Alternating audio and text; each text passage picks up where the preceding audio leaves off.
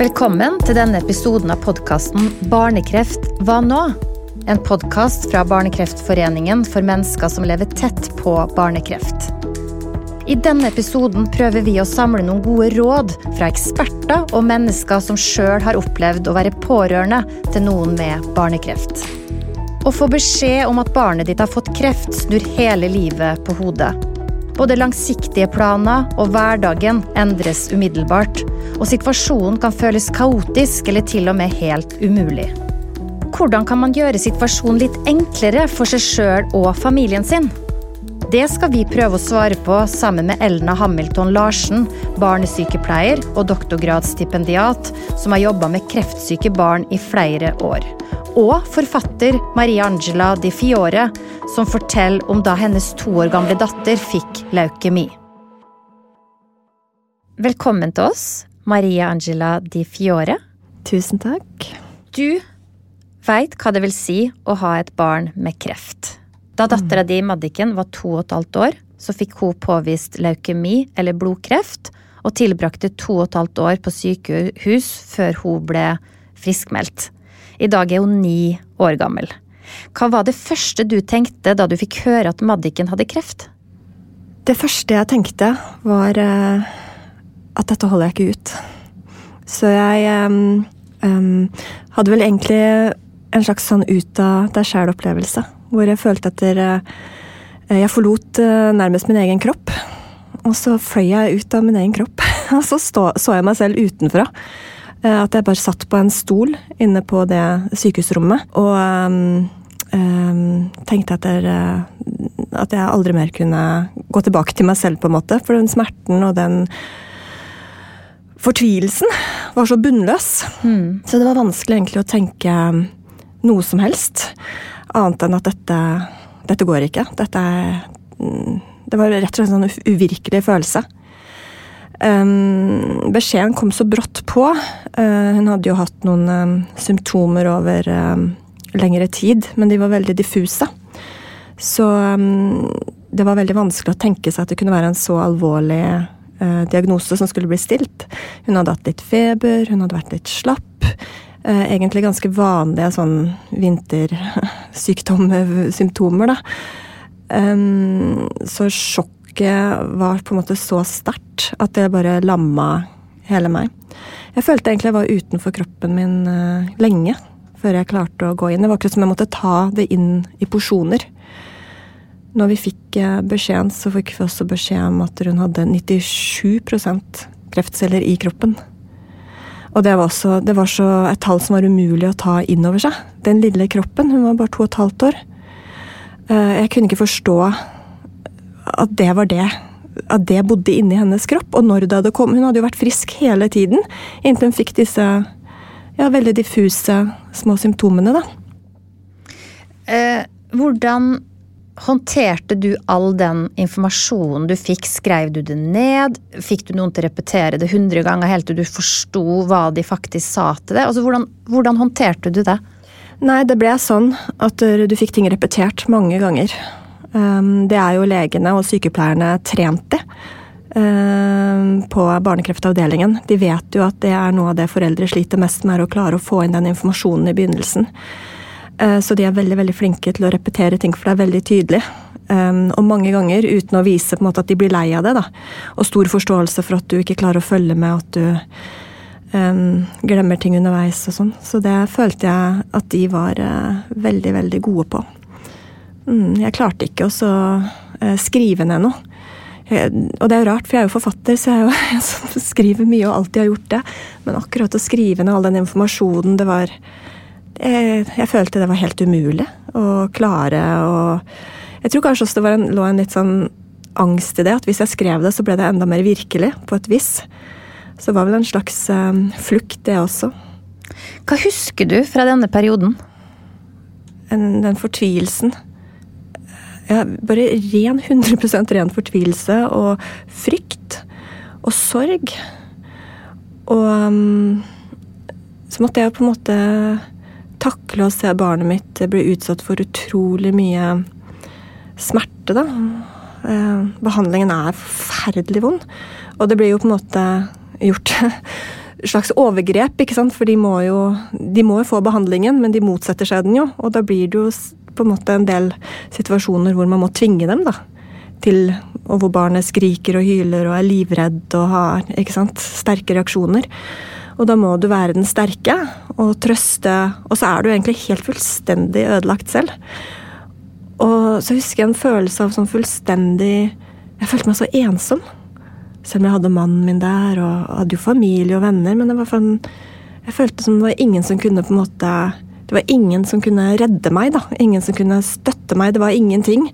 Jeg følte meg helt sånn uh, flytende i et sånn uh, fortvilelseskaos, da. Um, hvor, um, hvor, jeg var helt alene. Ja.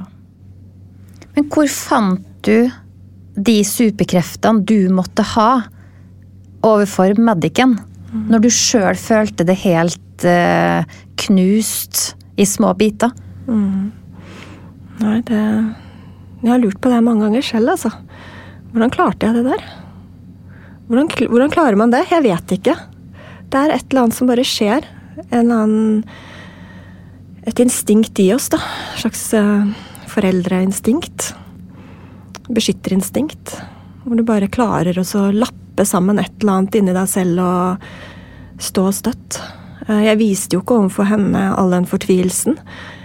Men jeg hadde sånne husker sånne økter hvor jeg kunne stå inne på sykehuset på badet og bare gråte inn i et håndkle eller sette på dusjen og Jeg husker også hun skulle ta en beinmargsprøve, og det var, eh, det var en av de første dagene. Og så fulgte vi henne inn, og så ble hun lagt i narkose, da, som også var helt sånn Det var veldig tøft, da, fordi at hun um, hun forsvant liksom i armene våre da. Uh, og var alt, alt, var så overveldende. Og det å se det lille barnet ligge i narkose og vite at de skulle gå, skjære i kroppen hennes, altså det var helt uh, Og da husker jeg at mannen min og jeg vi hadde sånn, vi sto i heisen opp, og vi bare hadde sånn her uh, felles sånn derre fem sekunder sånn der hysterisk eh, gråt. Ja. Og så åpna dørene seg, og så gikk vi ut og Ikke sant. Og lata som ingenting, da. Mm. Um, du kan på en måte ikke bare legge deg ned, da. Du må stå i det hele tiden. Til slutt så blir det nesten en sånn vane. Og det blir jo litt utfordring etter hvert, da. Hvor får du det ut etterpå? All den sorgen, ikke sant. Ja, hvor fikk du det ut? Nei, egentlig så ble det de korte øktene, som jeg sa, hvor sånne sekunders økter hvor jeg, jeg som sagt kunne gråte inn i et håndkle gjemt vekk fra alle, eller uh, Men det var ikke mye av det. Så det var nok mye som uh, ble lagra i kroppen, på en måte, som jeg ikke helt uh, fikk ut. Um, men så hadde jeg på en måte ikke tid til å kjenne på det heller, for det skjedde noe hele tiden. Det, hver, dag er, hver, dag skjer det utrolig mye, samtidig som det skjer utrolig lite. Fordi sykehusgangene er så lange. Du føler du bare går opp og ned i de gangene hele tiden. Du går fra undersøkelse til undersøkelser og sitter og venter på leger. Og så. så det er liksom en dag som har rutiner som Du, nesten, du må liksom bare um, bøye deg for det på et vis. Bare flyte med, da. Og det skjer uforutsette ting, og det kommer infeksjoner. Og, så jeg måtte på en måte gi slipp på ja, alt av kontroll, da, på et vis. Um, og bare flyte med. Så det ble etter hvert bare mer og mer den livsstilen. Og bare holde en slags sånn Klare å holde seg fast i hverdagen. Så skulle jeg også ta vare på en baby etter hvert. Seks uker etter at hun, datteren min da fikk diagnosen, så fødte jeg også en baby. Eh, sønnen min, da. Eh, Simon. Og det ble jo også en Da måtte jeg også holde fokus, for han hadde jo sine behov. Et spedbarn som da skulle vokse opp i dette her. Så da skulle jeg jo amme og ta vare på han, i tillegg til å ta vare på henne. Så det ble jo at jeg på en måte skjøv vekk alt eget etter hvert. da, mm. Eh, og bare levde for å få dette måte, til å gå opp på et vis.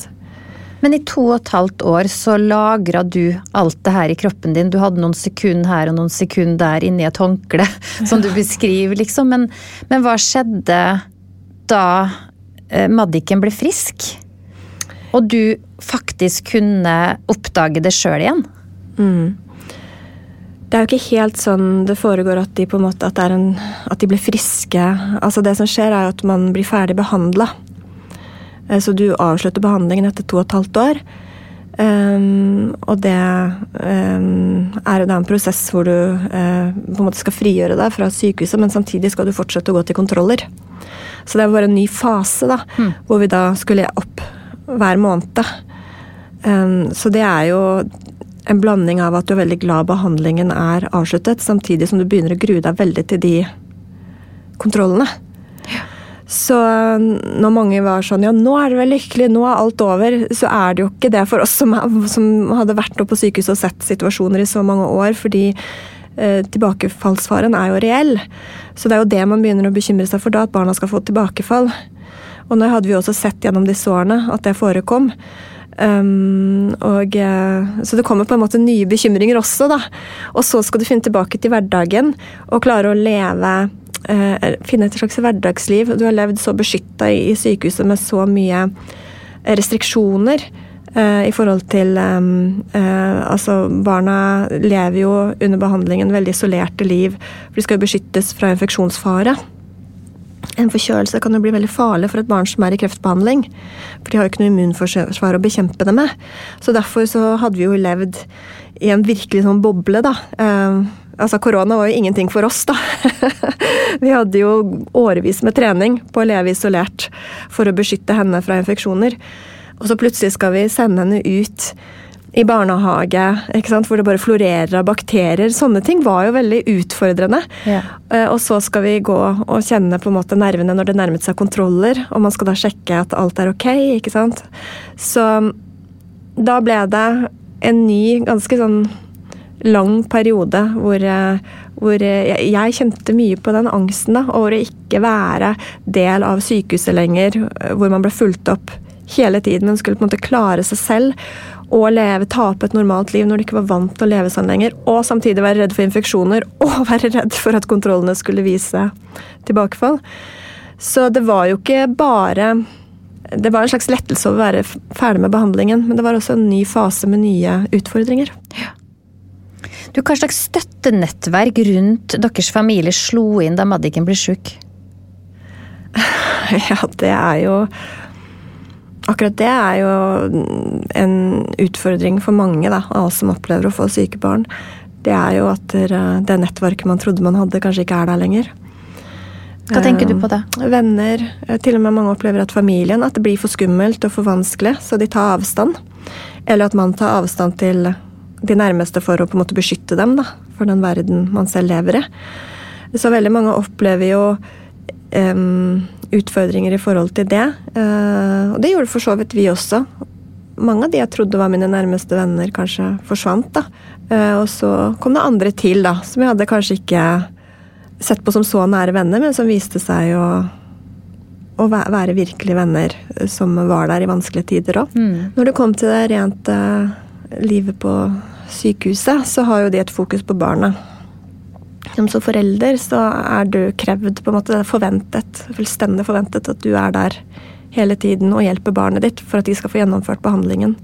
Så alt dreier seg om barna. Og det er jo riktig, eh, men de har, det er jo ikke noen som måte, altså, Legene forholder seg ikke til ditt navn engang. Du er mammaen til det syke barnet. Så da har du en rolle hvor det på en måte det blir forventet at du um, 100% er til stede for barnet og ikke har noe eget du kan på en måte, Det er ikke plass til det.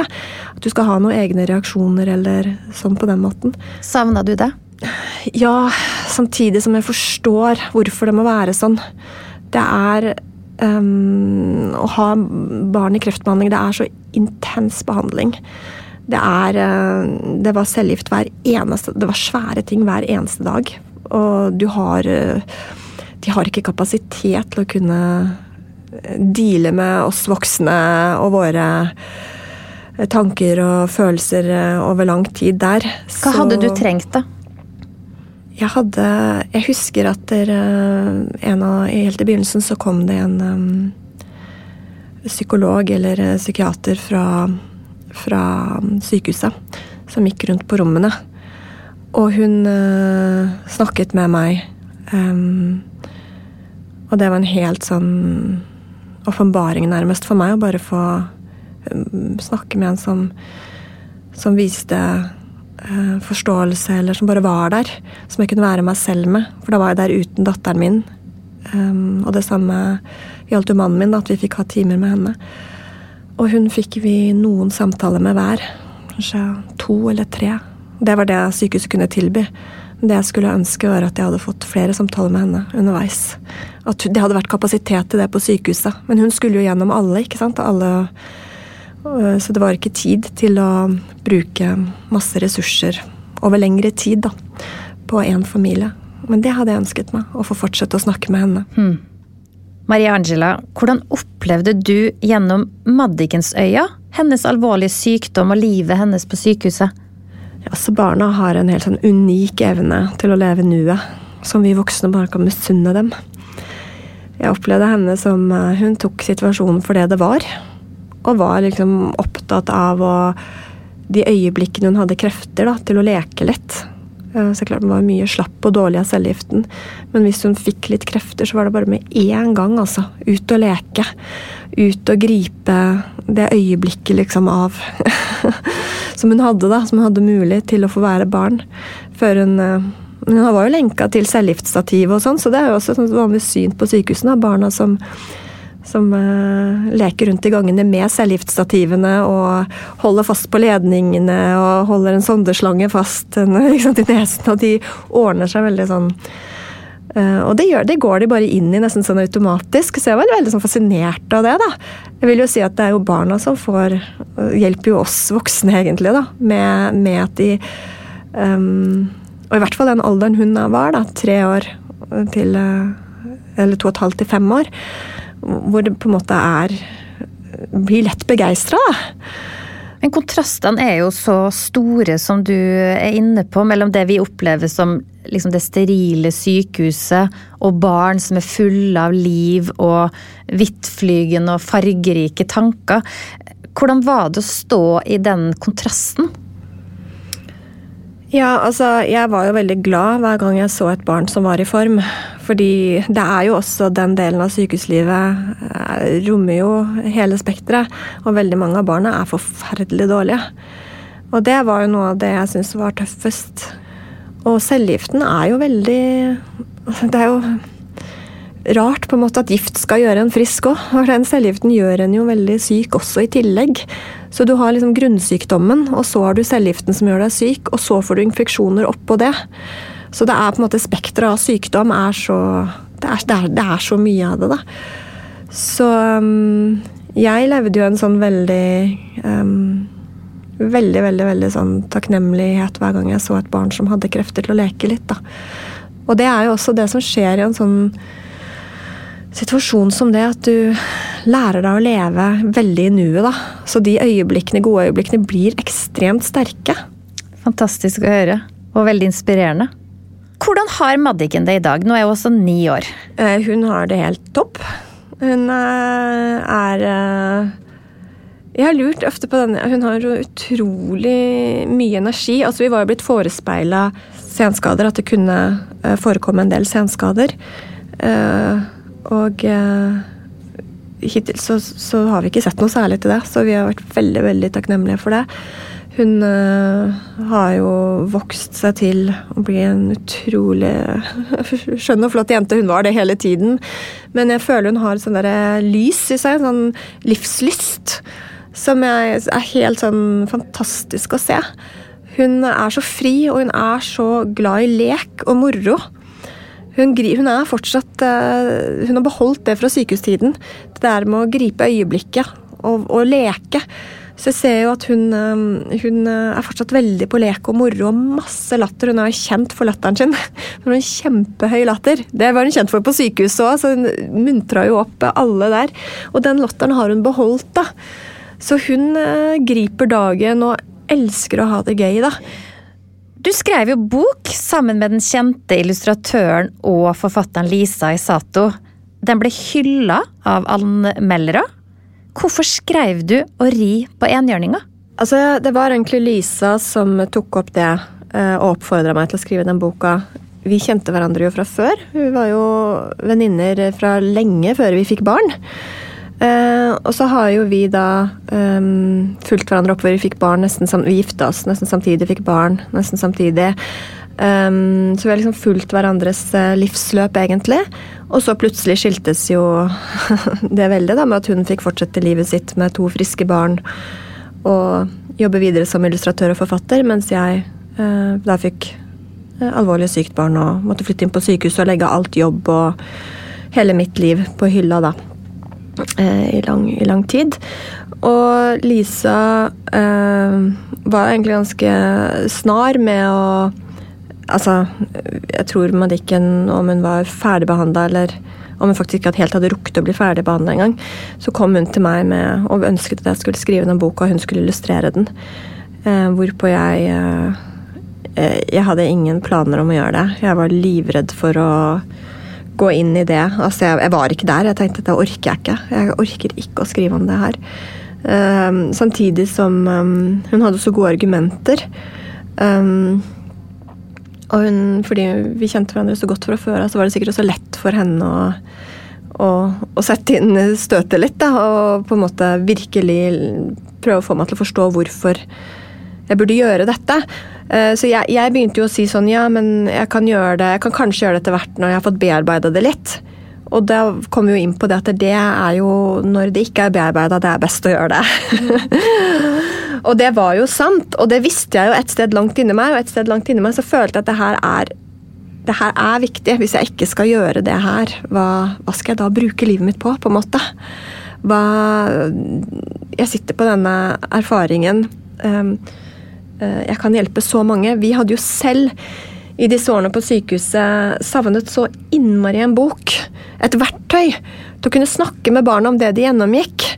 Eh, det var ikke noen bøker, det var ikke noe litteratur i det hele tatt. Det er jo litt litteraturens oppgave ikke sant? å hjelpe oss til å, til å gå inn i de vanskelige temaene. ikke sant? Å kunne klare å um, oppleve det gjennom litteraturen er jo på en måte en, en utrolig stor hjelp, en gave. Og da ble det en sånn greie etter hvert som vokste på meg, at jeg tenkte dette her, jeg må legge mitt eget til side, og jeg må jeg liksom, Omtrent så på det som liksom en sånn kall, da. Altså, misforstå meg rett.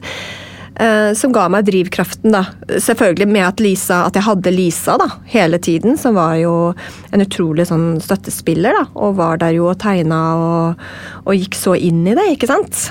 Um, så da ble det til slutt uh, et ekstremt viktig prosjekt for meg. Men det tok, tok, en stund før jeg klarte å Jeg måtte på en måte la det marinere en stund, da. Jobbe med meg selv. Eh, og jeg er altså så glad for at jeg skrev den boka, for jeg vet uh, hvor mye eh, den har vært til nytte for andre. Um, jeg har fått utallige mail. Jeg har fått overleger fra barnekreftavdelingen på Rikshospitalet som har ringt meg og takket meg på det dypeste. Ja, jeg vet Altså, det har vært en sånn bølge av varme og takknemlighet som er jo Altså, ja, og boken gjorde det jo kjempebra, uh, og det er jeg veldig glad for, men akkurat det å vite at den har hjulpet mange til å åpne opp og kunne snakke om uh, de vanskelige Nærme seg de vanskelige temaene i livet, da. Uh, sammen med barna sine. Det Eller også bare for seg selv. Det har vært helt sånn Jeg føler det har vært noe av det viktigste i livet mitt. Dette skulle jeg ønske at jeg visste, heter episoden. Hva skulle du ønske at du visste? Det jeg skulle ønske jeg visste den gangen, var at jeg kom til å sitte her i dag og kunne snakke om det her. Og ha begge barna mine hos meg. Og at jeg kunne få At jeg kunne vite at jeg skulle bruke det jeg har opplevd, um, til å hjelpe andre. Det skulle jeg ønske jeg visste når jeg satt der i den fortvilelsen på sykehuset. Og var helt uh, nede i mørket. Hvis du kunne dratt tilbake i tid og gitt deg sjøl noen råd og veiledning, hva ville du ha sagt? Jeg har vært litt snillere mot meg selv. Jeg tror um, Jeg opplevde jo, og det vet jeg mange foreldre opplever i en sånn situasjon, er uh, at man begynner å skylde på seg selv. Uh, vi gir oss selv skylden for at barna er blitt syke. Det er en ganske naturlig Jeg opplevde det særlig blant de andre mødrene. Eh, og jeg i sterk, sterk, sterk grad gikk med en enorm skyldfølelse. Eh, som jeg har brukt masse tid på å bearbeide eh, i etterkant. Hvor jeg fikk for meg at det, min, at det måtte være noe jeg hadde gjort galt. Siden hun ble syk. Og det å bære det har vært utrolig krevende og veldig, veldig, veldig vondt. da. Så det har vært en lang prosess. Jeg skulle, så jeg skulle ønske jeg For det skjedde helt fra begynnelsen av at jeg fikk det for meg. At det måtte være Jeg lette over alt. Liksom, hva var det jeg hadde gjort galt? Brukte så mye tid og krefter på å prøve å forstå hva jeg hadde gjort for at barnet mitt skulle bli sykt. Hva gikk det på, da? At hadde jeg drukket for mye kaffe under svangerskapet? Eh, hadde jeg eh, fått stråling et sted fra? Var, jeg tenkte på flyturen. Jeg hadde vært på en bokturné uh, når jeg var gravid. Da hadde jeg fløyet en del fly. Så jeg tenkte jeg hadde barnet fått stråling fra flyet. Brukte jeg masse tid på sånne tanker? Hadde jeg spist noe feil? Uh, hadde jeg uh, gjort feil Jeg hadde en um, Hun begynte litt senere i barnehagen. Jeg var hjemme litt ekstra med henne. Uh, for som forfatter så følte jeg at der, jeg kunne ta meg den friheten da, og, og heller jobbe på kveldstid og sånn. Um, tenkte jeg, Var det det at hun hadde begynt for sent i barnehagen som hadde gjort noe med immunforsvaret hennes? At hun ikke altså, At hun ikke hadde fått nok infeksjoner når hun var liten. altså Alt mulig. Du gikk grundig til verks. Alt mulig. Hadde jeg brukt feil hudkrem? Var det egentlig uh, noen farlige kjemikalier i det jeg hadde smurt meg med eller vasket håret mitt med? Uh, jeg ble helt, helt altså Hver minste lille ting som jeg kunne finne, da. Um, brukte jeg mot meg selv. Det var et energisluk, da. Og det var destruktivt. Ikke bra. Jeg skulle ønske jeg ikke hadde gjort det. I dag, da? Er du greiere med det sjøl? Ja, men det er jo fordi jeg har brukt mye tid å, på å jobbe med det. da, Og jobbe med aksepten uh, av at livet som sagt er uh, ikke noe vi kan kontrollere. Vi kan gjøre så godt vi kan, men ting skjer. Og jo eldre jeg blir, jo mer ser jeg jo det rundt meg også. At det, er, og det, det er ikke alltid det er um, noe man kan Altså det er mye man ikke kan kontrollere. Det å lete etter en mening i alt er også til syvende og sist ikke alltid nødvendig. Det er ikke alltid du finner noe mening. Hva er meningen i at et barn får kreft, og begynne å bruke mye tid på å finne ut av det, f.eks.? Det er helt Det er meningsløst. Og det å akseptere det, at noen ting i livet er meningsløst på et vis. da. Altså Det er ikke alltid du finner uh, svar på alt. Og det å klare å akseptere det, leve i en aksept av at livet er uforutsigbart, og, og gi slipp på det kontrollbehovet og, og på å prøve å finne og plassere alt i bokser. Da. Som vi ofte gjør, vi mennesker, for å skape oss en slags falsk trygghet. Da. Er det noe du liksom kan si til andre der ute som nå står i en kjempekrise? Man veit kanskje ikke hvordan det skal gå, om det vil ta lang tid, kort tid. Kanskje vil det ikke gå i det hele tatt. Det jeg i hvert fall opplevde, eh, og som jeg har tatt med meg videre, har jo vært å kunne leve her og nå. Og ta de øyeblikkene av um, glede som er der. Og på en måte leve de så intenst som mulig. Jeg har jo en slags lever med en veldig sånn sterk takknemlighet. Det høres kanskje litt rart ut, men jeg har en veldig veldig sterk takknemlighet for alle fine øyeblikk jeg får. Um, og det å stå i det Det kan bare være et kort øyeblikk. Det kan være et lengre øyeblikk. Men det har i hvert fall fylt mitt liv. Um, gitt mitt liv en ny dimensjon, rett og slett. Å klare å føle på takknemlighet for et godt øyeblikk. Um, det ligger jo en slags kunst i det å, å, å, være her og nå, og ikke tenke så langt framover. Men det ble vi jo tvunget til på sykehuset, hvor du lever fra kvarter til kvarter. Ikke det engang noen ganger. Og det er i hvert fall noe jeg har tatt med meg videre uh, i mitt liv. Um, det å kunne klare å leve i korttidsperspektiver, rett og slett. Og, um, og, og nyte det øyeblikkene man, man får av uh, fullstendig um, takknemlighet kanskje for en bitte liten ting, eller bare et latterutbrudd hvor du et øyeblikk uh, klarer å glemme alt det du står i, uh, som er vanskelig. Um, det er en gave, føler jeg, når man uh, opplever det, da, og klarer å leve livet mer på den måten. Istedenfor å ha alltid langtidsperspektivet på alt, ha planer på alt, jobbe masse for å legge en sånn plan for hvordan ting skal være så vil jo den etter hvert bli Vil jo alle oppleve, før eller siden, at det går noe skeis.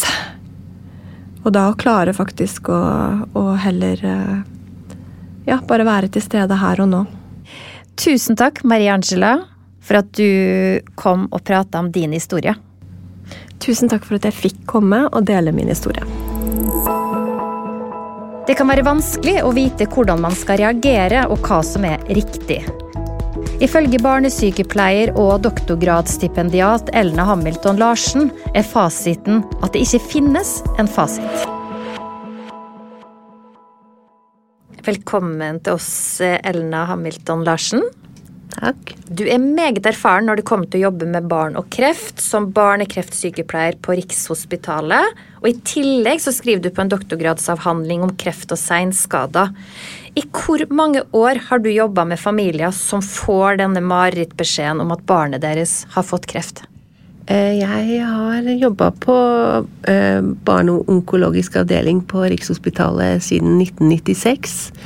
Så det begynner å bli en del år som jeg har møtt familier som, som kommer med barn som skal uh, utredes eller behandles for kreft. Da. Mange og 20 år. Ja. Mm. Så du vet mye om hvordan uh, det er å komme inn til dere første gang.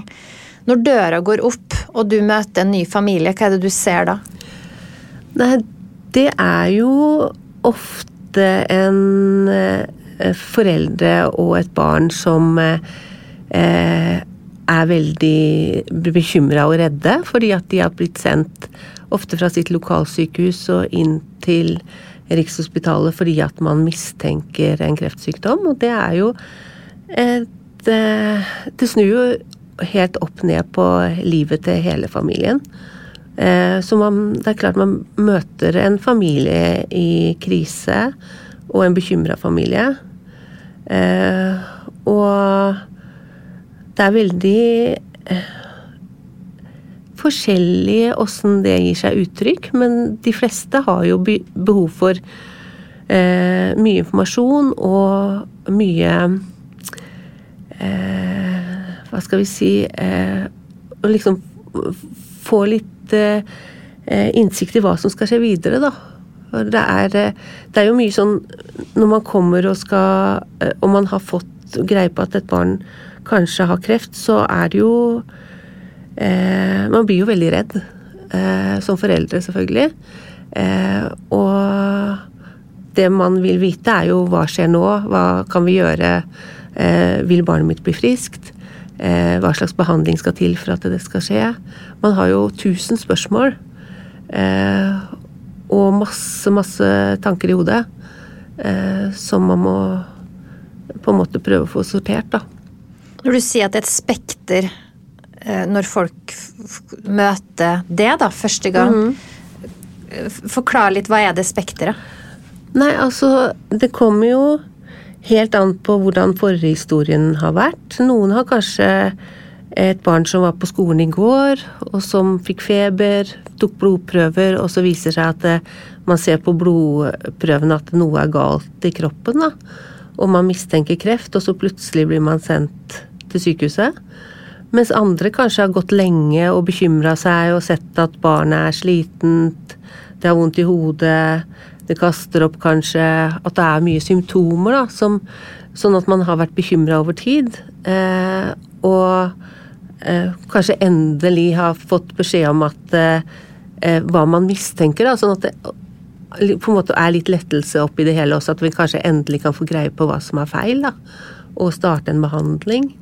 Eh, så det er liksom alle aspekter eh, av reaksjoner som er på en måte normalt også i en sånn setting hvor man er så bekymra og så redd. da. Så noen kan, jo, noen kan jo oppleve at de blir veldig sinte og er veldig sånn nå må, vi, nå må vi skynde oss, nå må vi gjøre ting fort. og de er liksom, Mens andre bare gråter.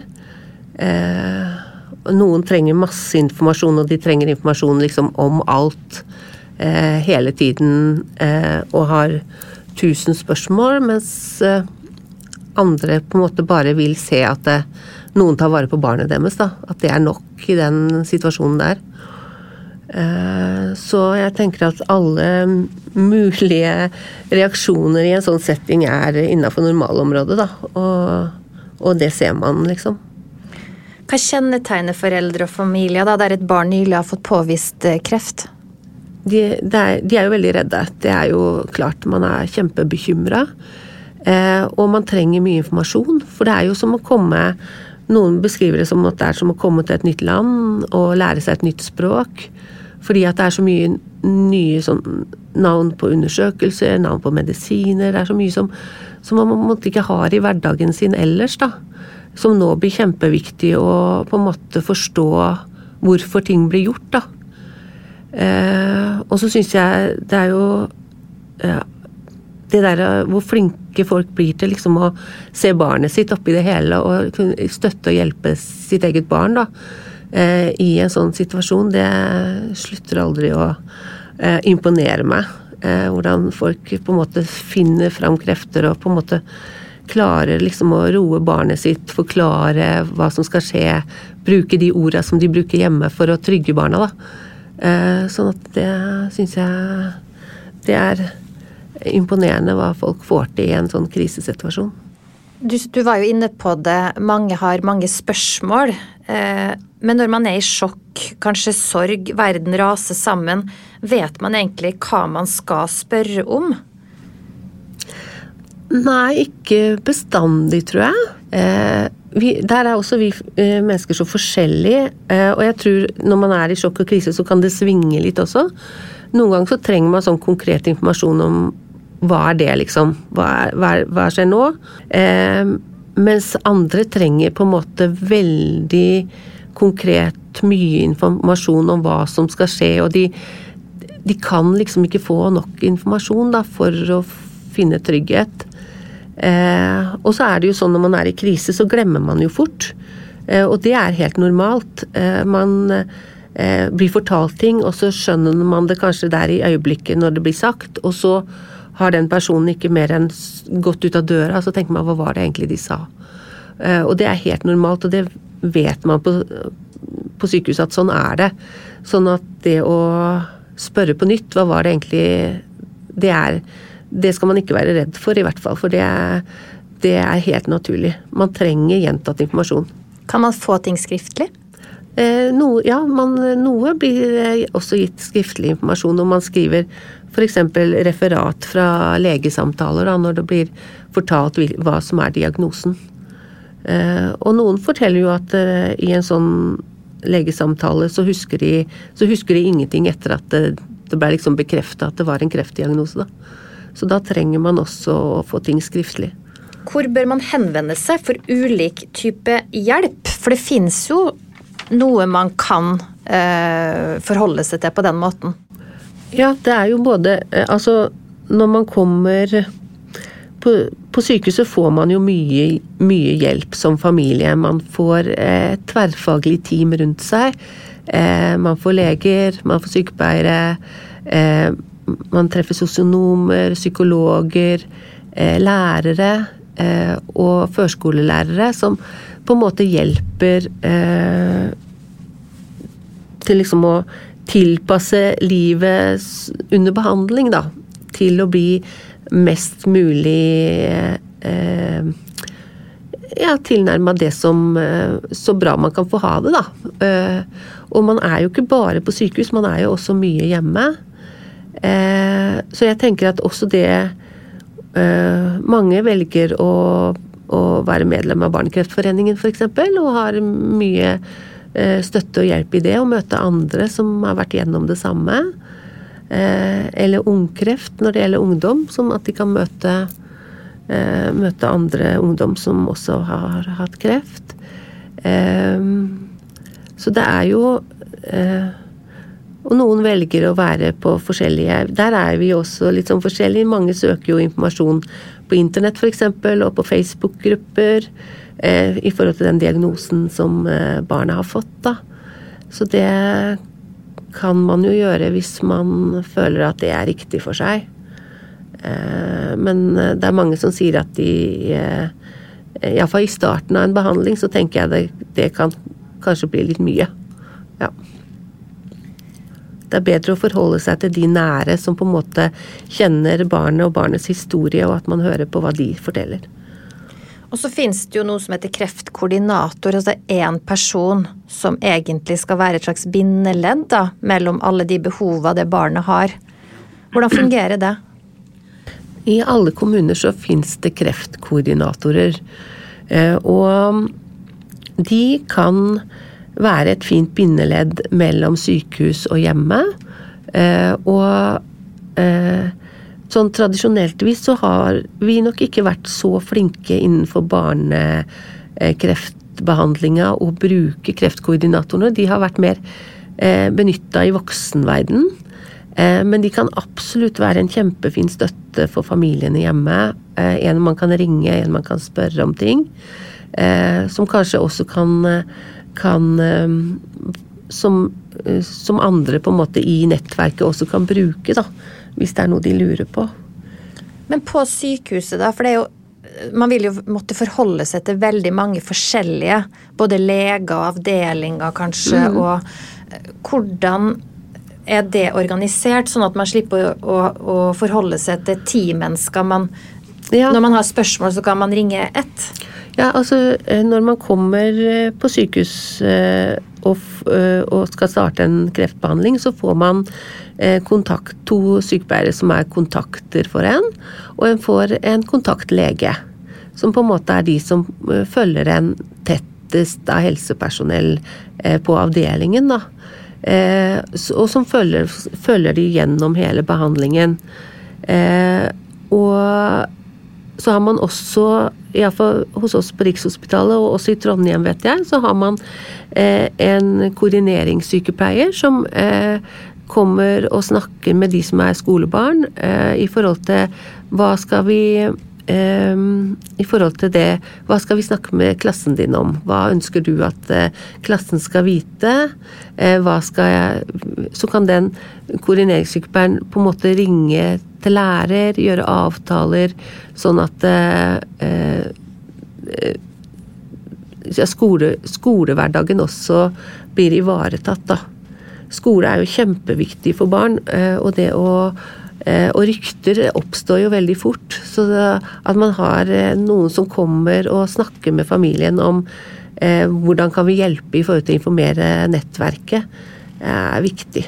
Det tilbudet som er der i dag, er det noe som mangler? Noe du skulle ønske var på plass som de har i andre land, eller er Norge best på alt?